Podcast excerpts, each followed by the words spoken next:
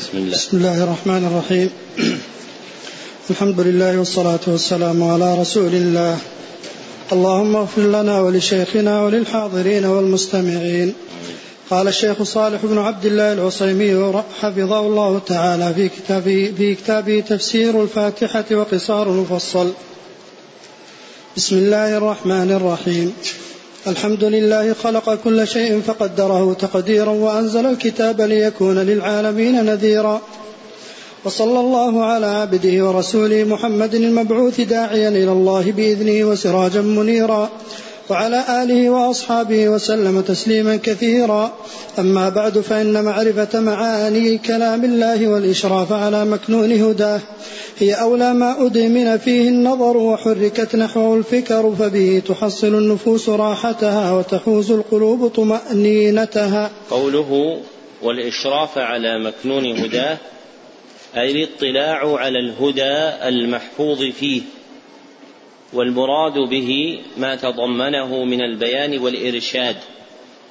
وهداية القرآن نوعان.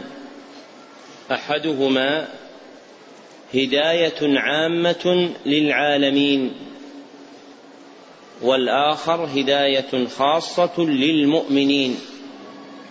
والفرق بينهما أن الأول يتناول إقامة الحجة. والثاني يتناول إيضاح المحجة فالقرآن بالنسبة للعالمين مقيم الحجة عليهم وهو بالنسبة للمؤمنين موضح لهم المحجة أي الطريق الموصله إلى الله سبحانه وتعالى. نعم. أحسن الله إليكم. ألا وإن قصار مفصله اللطيف من الضحى إلى آخر المصحف الشريف محل عناية جمهور المسلمين حفظا لقصر آياتها وعذوبة سياقها. ولكل فضائل مخصوصة ومقاصد منصوصة فهي حقيقة بالتفهم وجديرة بالتعلم. تقدم غير مرة أن خطاب الشرع نوعان. أحدهما الخطاب الشرعي الخبري. المقتضي للامتثال بالتصديق والثاني الخطاب الشرعي الطلبي المقتضي للامتثال بفعل الأمر وترك النهي واعتقاد حل الحلال. ومرد معرفة جوامع هذين النوعين إلى قسمين من القرآن أحدهما المفصل عامة وقصاره خاصة. وأكثر ما فيها يتعلق بالخطاب الشرعي الخبري. والآخر سورة البقرة. وأكثر ما فيها يتعلق بالخطاب الشرعي الطلبي. فاستفتاح تلقي التفسير بمعرفة هذين القسمين يوفق يوقف على جوامع البيان للنوعين معا فمن رام التفسير اشتغالا وتحصيلا فإنه ينبغي له أن يشتغل بتفهم مفصل القرآن. ثم إذا فرغ منه تحول إلى معرفة تفسير سورة البقرة فإن المحيط بهاتين الجملتين من القرآن يسهل عليه فهم كثير من كلام الله عز وجل وإن لم يقف على المنقول عن المفسرين فيه إذ تصير له بذلك ملكة جيدة في التفسير تنطبع في نفسه وقوة تلك الملكة بحسب قوة تحصيله للجملتين المذكورتين من القرآن. نعم. صلى الله عليكم وهذا تفسير مختصر للسور المذكورة يقرب تناوله ويسهل تأمله. قيدته راجيا منفعته التامة وملتمسا بركته العامة. مستفتحا بتفسير الفاتحة لما لها من مقام عظيم ومنزل كريم. والله أسأل السلامة من الزلل واتقاء سوء القول والعمل. تفسير سورة الفاتحة. عن أبي سعيد بن المعلى رضي الله عنه قال كنت أصلي فدعاني النبي صلى الله عليه وسلم فلم أجبه. قلت يا رسول الله إني كنت أصلي. قال ألم يقل الله؟ استجيبوا لله وللرسول إذا دعاكم. ثم قال ألا أعلمك أعظم سورة في القرآن قبل أن تخرج من المسجد فأخذ بيدي فلما أردنا أن نخرج قلت يا رسول الله إنك قلت لأعلمنك أعظم سورة من القرآن. قال الحمد لله رب العالمين هي السبع المثاني والقرآن العظيم الذي أوتيته رواه البخاري. قوله صلى الله عليه وسلم هي السبع المتاني هو اسم من أسماء الفاتحة سميت به لأمرين. أحدهما يتعلق بالألفاظ فبها تستفتح القراءة في الصلاة وتتبع آياتها بعضها بعضا ويتلو بعضها بعضا.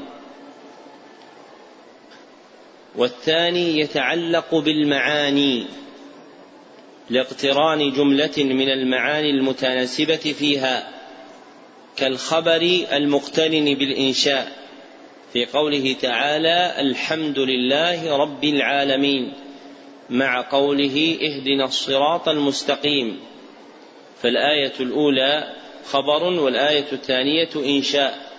وكاقتران صفات الجلال مع صفات الجمال كقوله تعالى رب العالمين وقوله مالك يوم الدين مع قوله الرحمن الرحيم فإن الآيتين الأوليين تتعلقان بصفات الجلال. والآية الأخيرة هنا الرحمن الرحيم تتعلق بصفة الجمال. وقوله والقرآن العظيم لهذه الجملة معنيان. أحدهما أنه وصف للفاتحة فهي قرآن عظيم بمعنى مقروء عظيم. يدل على ذلك كونها أعظم سورة في القرآن. والآخر أن العطف فيها من عطف العام على الخاص فيكون إنشاء لجملة جديدة يراد بها القرآن كله. نعم. أحسن الله إليكم. وعن أبي هريرة رضي الله عنه قال سمعت رسول الله صلى الله عليه وسلم يقول قال الله تعالى قسمت الصلاة بيني وبين عبدي نصفين ولعبدي ما سأل فإذا قال العبد الحمد لله رب العالمين قال الله تعالى حمدني عبدي وإذا قال الرحمن الرحيم قال الله تعالى أثنى علي عبدي وإذا قال مالك يوم الدين قال مجدني عبدي وقال مرة فوض إلي عبدي فإذا قال إياك نعبد وإياك نستعين قال هذا بيني وبين عبدي ولعبدي ما سأل. فإذا قال اهدنا الصراط المستقيم صراط الذين أنعمت عليهم غير المغضوب عليهم ولا الضالين. الضالين قال هذا لعبدي ولعبدي ما سأل. رواه مسلم. قوله تعالى في الحديث القدسي هذا بيني وبين عبدي إشارة إلى عهد. وقوله ولعبدي ما سأل إشارة إلى وعد. والعهد والوعد المذكوران في سورة الفاتحة هما المرادان هما المرادان في حديث سيد الاستغفار الذي رواه البخاري عن شداد بن أوس أوس رضي الله عنه. وفيه قوله صلى الله عليه وسلم وأنا على عهدك ووعدك ما استطعت. فإن العهد والوعد المذكورين في سيد الاستغفار هما المأمور بقولهما في كل صلاة من الصلوات والإحالة في حديث سيد الاستغفار إلى عهد ووعد ينبغي أن تكون إلى عهد ووعد معروف مستفيض. وليس إلى وعد وعهد خفي لا يعرف.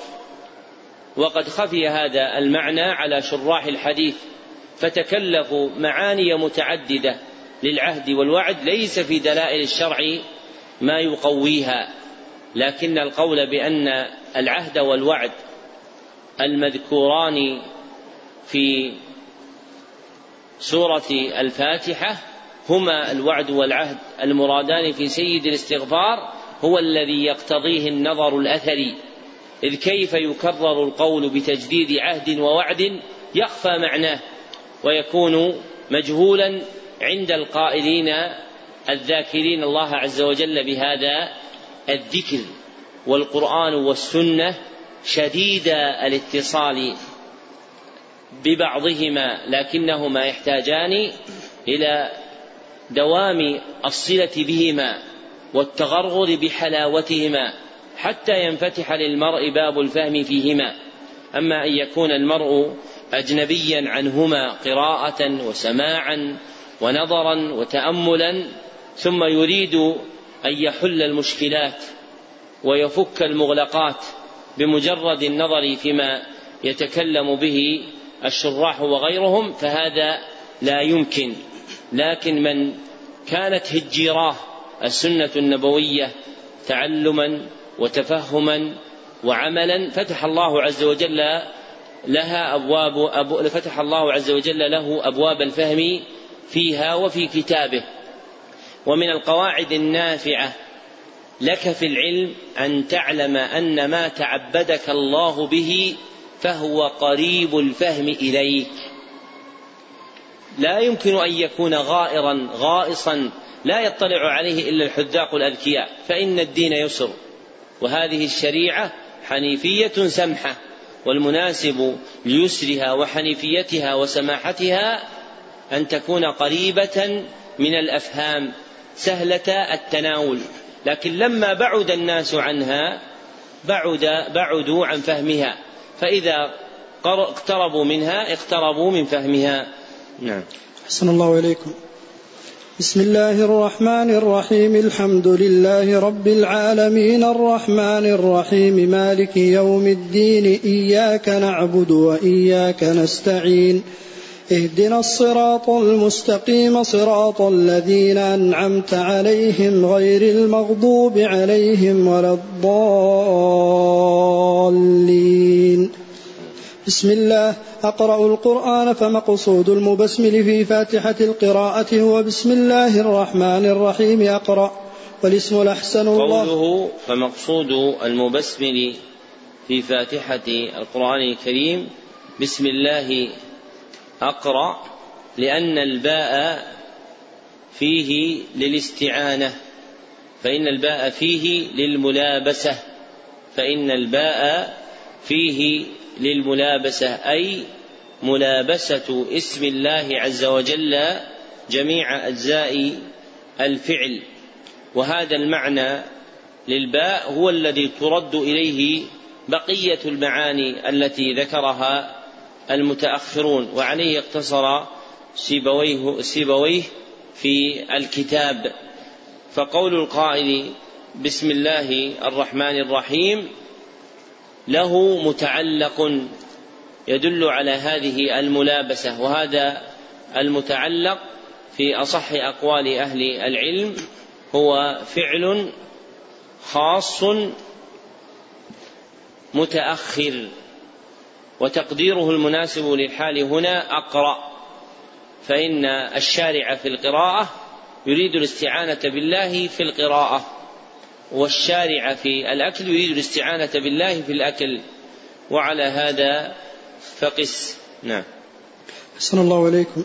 والاسم الأحسن الله علم على ربنا عز وجل ومعناه المألوه المستحق لإفراده بالعبادة. قوله والاسم الأحسن الله مأخوذ من خبره سبحانه عن أسمائه. فإن الله قال ولله الأسماء الحسنى. وهذا خبر عنها جميعا فيكون الخبر عن واحد منها الاسم الأحسن. أما ما شاع في لسان المتأخرين من قولهم عند ذكر اسم الله لفظ الجلالة كذا وكذا فإنه لا يخلو من اعتراضات ليس هذا محلها. أقلها أن هذا التركيب الذي ولدوه وهو لفظ الجلالة غير مرعي في الكتاب والسنة واللفظ المعتد به المعبر به عن هذا المقصود في الكتاب والسنة هو الأسماء الحسنى. وإذا كنت تقول ذلك في الجمع فإنك تقول ذلك في الواحد منها فتقول الاسم الحسن الرحمن الاسم الأحسن الرحمن والاسم الأحسن الرحيم وهلم جرا. نعم. حسن الله إليكم. الرحمن الرحيم. اسمان من أسمائه تعالى دالان على رحمته فأولهما دال عليها حال تعلقها به في سعة في سعتها والآخر دال عليها حال تعلقها بالخلق في وصولها إليهم. وأول هذه السورة الحمد لله رب العالمين فالحمد هو الإخبار عن محاسن المحمود مع حبه وتعظيمه. ورب العالمين. اسم إضافي فالرب في كلام العرب المالك والسيد والمصلح للشيء والعالمين جمع عالم وهو اسم للأفراد المتجانسة من المخلوقات فكل جنس منها يطلق عليه عالم فيقال عالم الإنس وعالم الجن وعالم الملائكة. الاسم الإضافي الذي ذكره هو أحد نوعي الأسماء الإلهية باعتبار الإفراد والتركيب فإن الأسماء الإلهية باعتبار الإفراد والتركيب نوعان. أحدهما الأسماء الإلهية المفردة مثل الله والرحمن والرحيم والآخر الأسماء الإلهية المركبة أو المضافة تبيينا لمعنى التركيب. الأسماء المضافة مثل رب العالمين ومالك يوم الدين ومالك الملك. ذكر هذا أبو العباس بن تيمية الحفيد في الفتاوى المصرية. وما ذكره من أن العالمين جمع عالم وأنه اسم لجميع الخلق من مبدئهم إلى منتهاهم ثم قوله وكل جنس منها يطلق عليه عالم. عدول عن القول المشهور أن العالمين اسم لما سوى الله لأن هذه الجملة المحكوم بها وهو أن العالمين اسم لما سوى الله ليست من الوضع العربي وإنما هي من دخائل علماء المنطق والفلسفة التي سرت إلى العلوم اللغوية والعلوم الشرعية نبه إلى ذلك الطاهر بن عاشور وتقدم بيانه في شرح ثلاثة الأصول. نعم. حسن الله عليكم وربوبيته عز وجل لما لم تنتج ظلما بل مضمونها العناية بالخلق ورحمتهم. ولهذا وصف نفسه بقوله الرحمن الرحيم فهو رحمن وسعت رحمته جميع الخلق رحيم يوصل رحمته إليهم. قوله فهو رحمن وسعت رحمته جميع الخلق رحيم يوصل رحمته إليهم مبني على المحقق في الفرق بين هذين الاسمين الرحمن والرحيم وأن الرحمن اسم دال على الله بملاحظة تعلق الصفة وهي صفة الرحمة به سبحانه وأن الرحيم اسم دال على الله بملاحظة تعلق صفة الرحمة بالمرحومين من الخلق.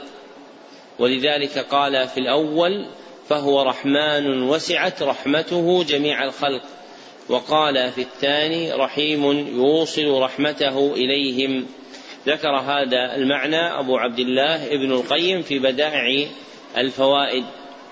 وسبق أن ذكرت لكم نظمه.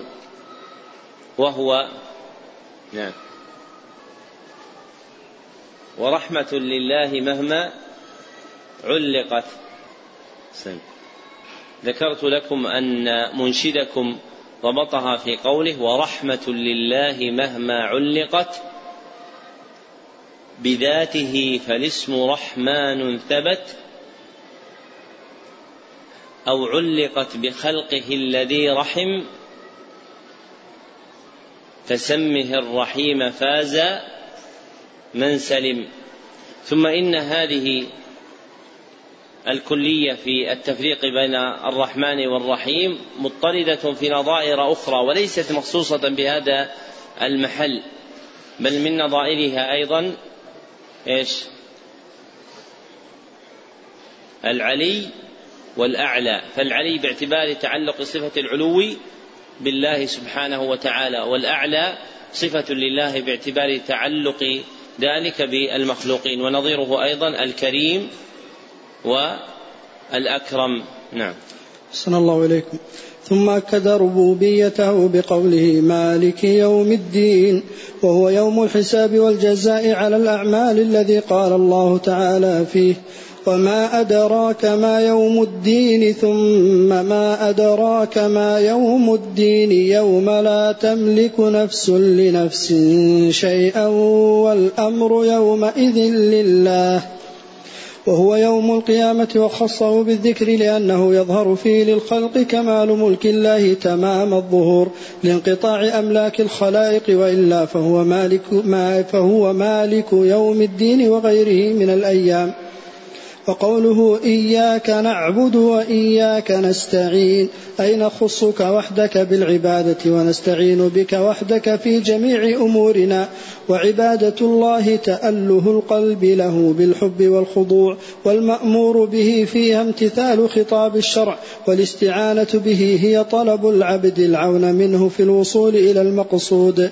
ثم قال اهدنا الصراط المستقيم.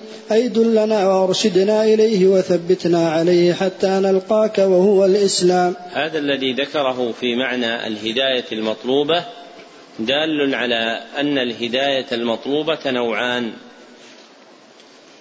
الأول هداية دلالة وإرشاد إلى الصراط المستقيم.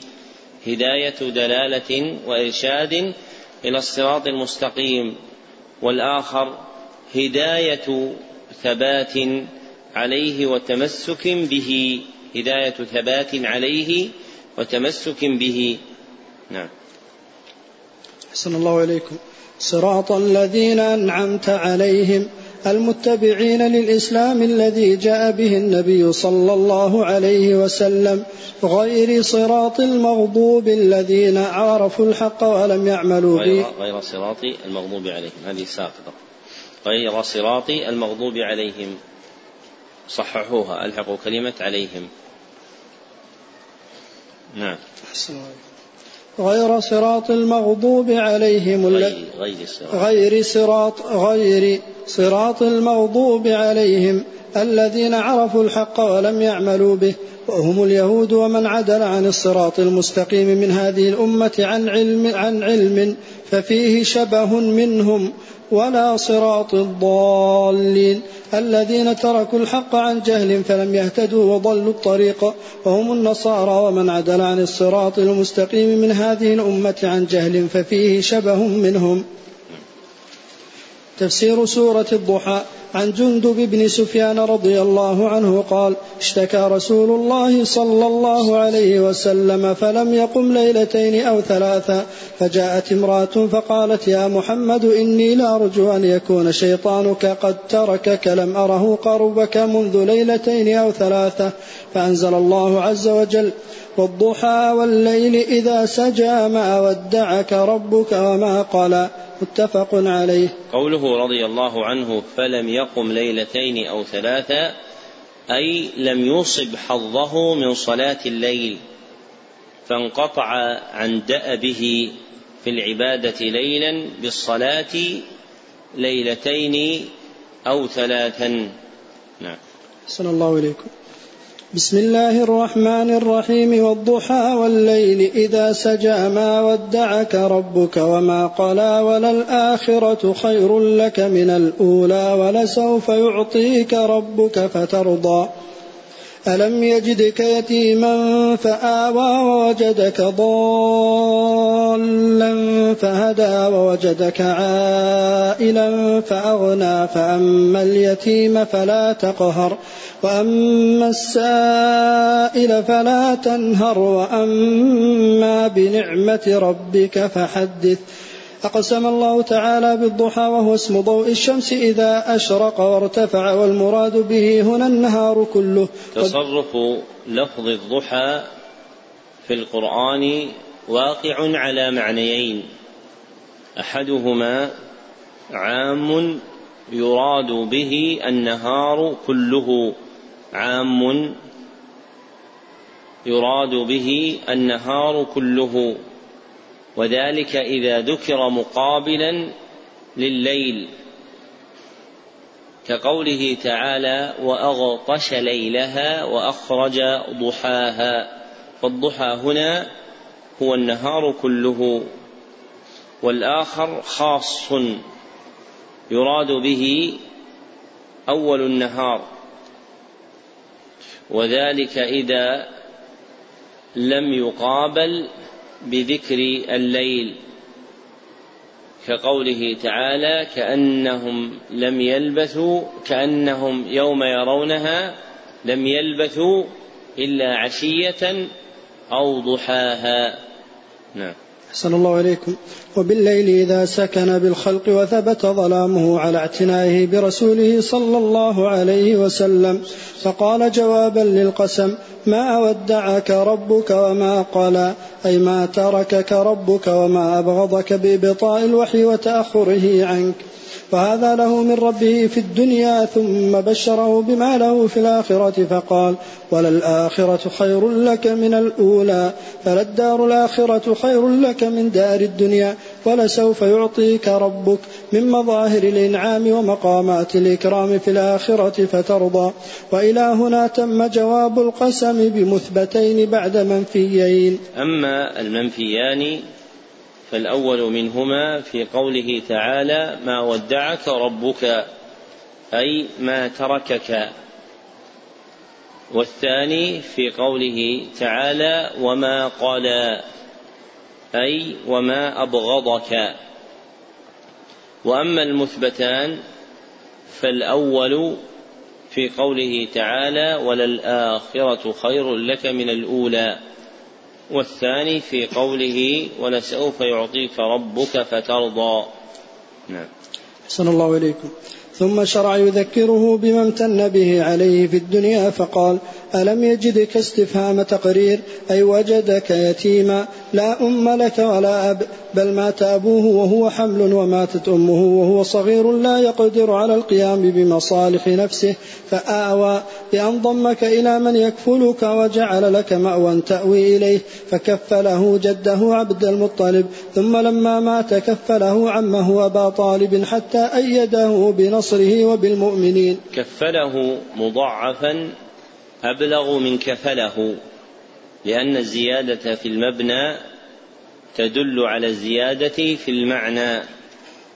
فذكر كفالة عبد المطلب وأبي طالب للنبي صلى الله عليه وسلم بقولنا كفله لا كفله أبلغ لإظهار امتنان الله عليه بتسخيرهما له. كما قال الله تعالى عند ذكر مريم وكفلها زكريا لإشهادها امتنانه عليها إذ كفلها زكريا فأضاف الفعل إلى نفسه المقدسة سبحانه وتعالى.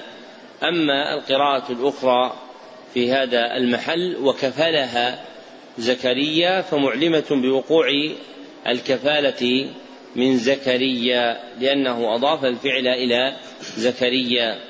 نعم. أحسن الله إليكم. ووجدك ضالا لا تدري ما الكتاب ولا الإيمان. فهدى وأنزل عليك الكتاب والحكمة وعلمك ما لم تكن تعلم. هذه الآية ووجدك ضالا فهدى فسرتها آيتان بمقتضى ما ذكره صاحب الكتاب. فأما قوله تعالى ووجدك ضالا أي لا تدري ما يراد بك ففسرها قوله تعالى ما كنت تدري ما الكتاب ولا الإيمان. وأما قوله تعالى فهدى ففسرها قوله تعالى وأنزل عليك الكتاب والحكمة وعلمك ما لم تكن تعلم وكان فضل الله عليك عظيما. فإن أجل هداية نالت النبي صلى الله عليه وسلم هي هدايته إلى مقام النبوة والرسالة. نعم. أحسن الله إليكم. ووجدك عائلا فقيرا فأغنى بما ساق إليك من الرزق وقنعك به. ومن آواك وهداك وأغناك فحقه مقابلة نعمته بالشكر ومنه ما ذكره الله عز وجل في قوله فأما اليتيم فلا تقهر أي لا تغلبه مسيئا معاملته وأما السائل عن دين أو دنيا فلا تنهر. أي تزجر بل اقض حاجته أو رده برفق. وأما بنعمة ربك فحدث مخبرا عنها فإن التحدث بنعمة الله داع لشكرها وسبب في محبة القلوب لمن أسداها فإن القلوب مجبولة على محبة المحسن إليها. قوله في تفسير فأغنى بما ساق إليك من الرزق وقنعك به بيان أن الغنى التام مركب من شيئين. أحدهما رزق يحصل به العبد مصالحه. رزق يحصل به العبد مصالحه. والثاني قناعة تقطع قلبه عن الطمع فيما سواه. قناعة تقطع عن قلبه الطمع فيما سواه. والعبد إن رزق ما به مصلحته ومنفعته ولم تتهيأ له القناعة لم يكن غنيا على الحقيقة. ولأجل هذا رد الغنى إلى غنى النفس. كما في الصحيح أن النبي صلى الله عليه وسلم قال الغنى غنى النفس. وهذا آخر بيان هذه الجملة. ونستكمل بقيته بإذن الله بعد صلاة المغرب مباشرة. ويكون توزيع الكتاب بعد العشاء بإذن الله تعالى في الموضع المذكور ثم نكمل بقية المجلس. والحمد لله رب العالمين. صلى الله وسلم على عبده ورسوله محمد وآله وصحبه أجمعين.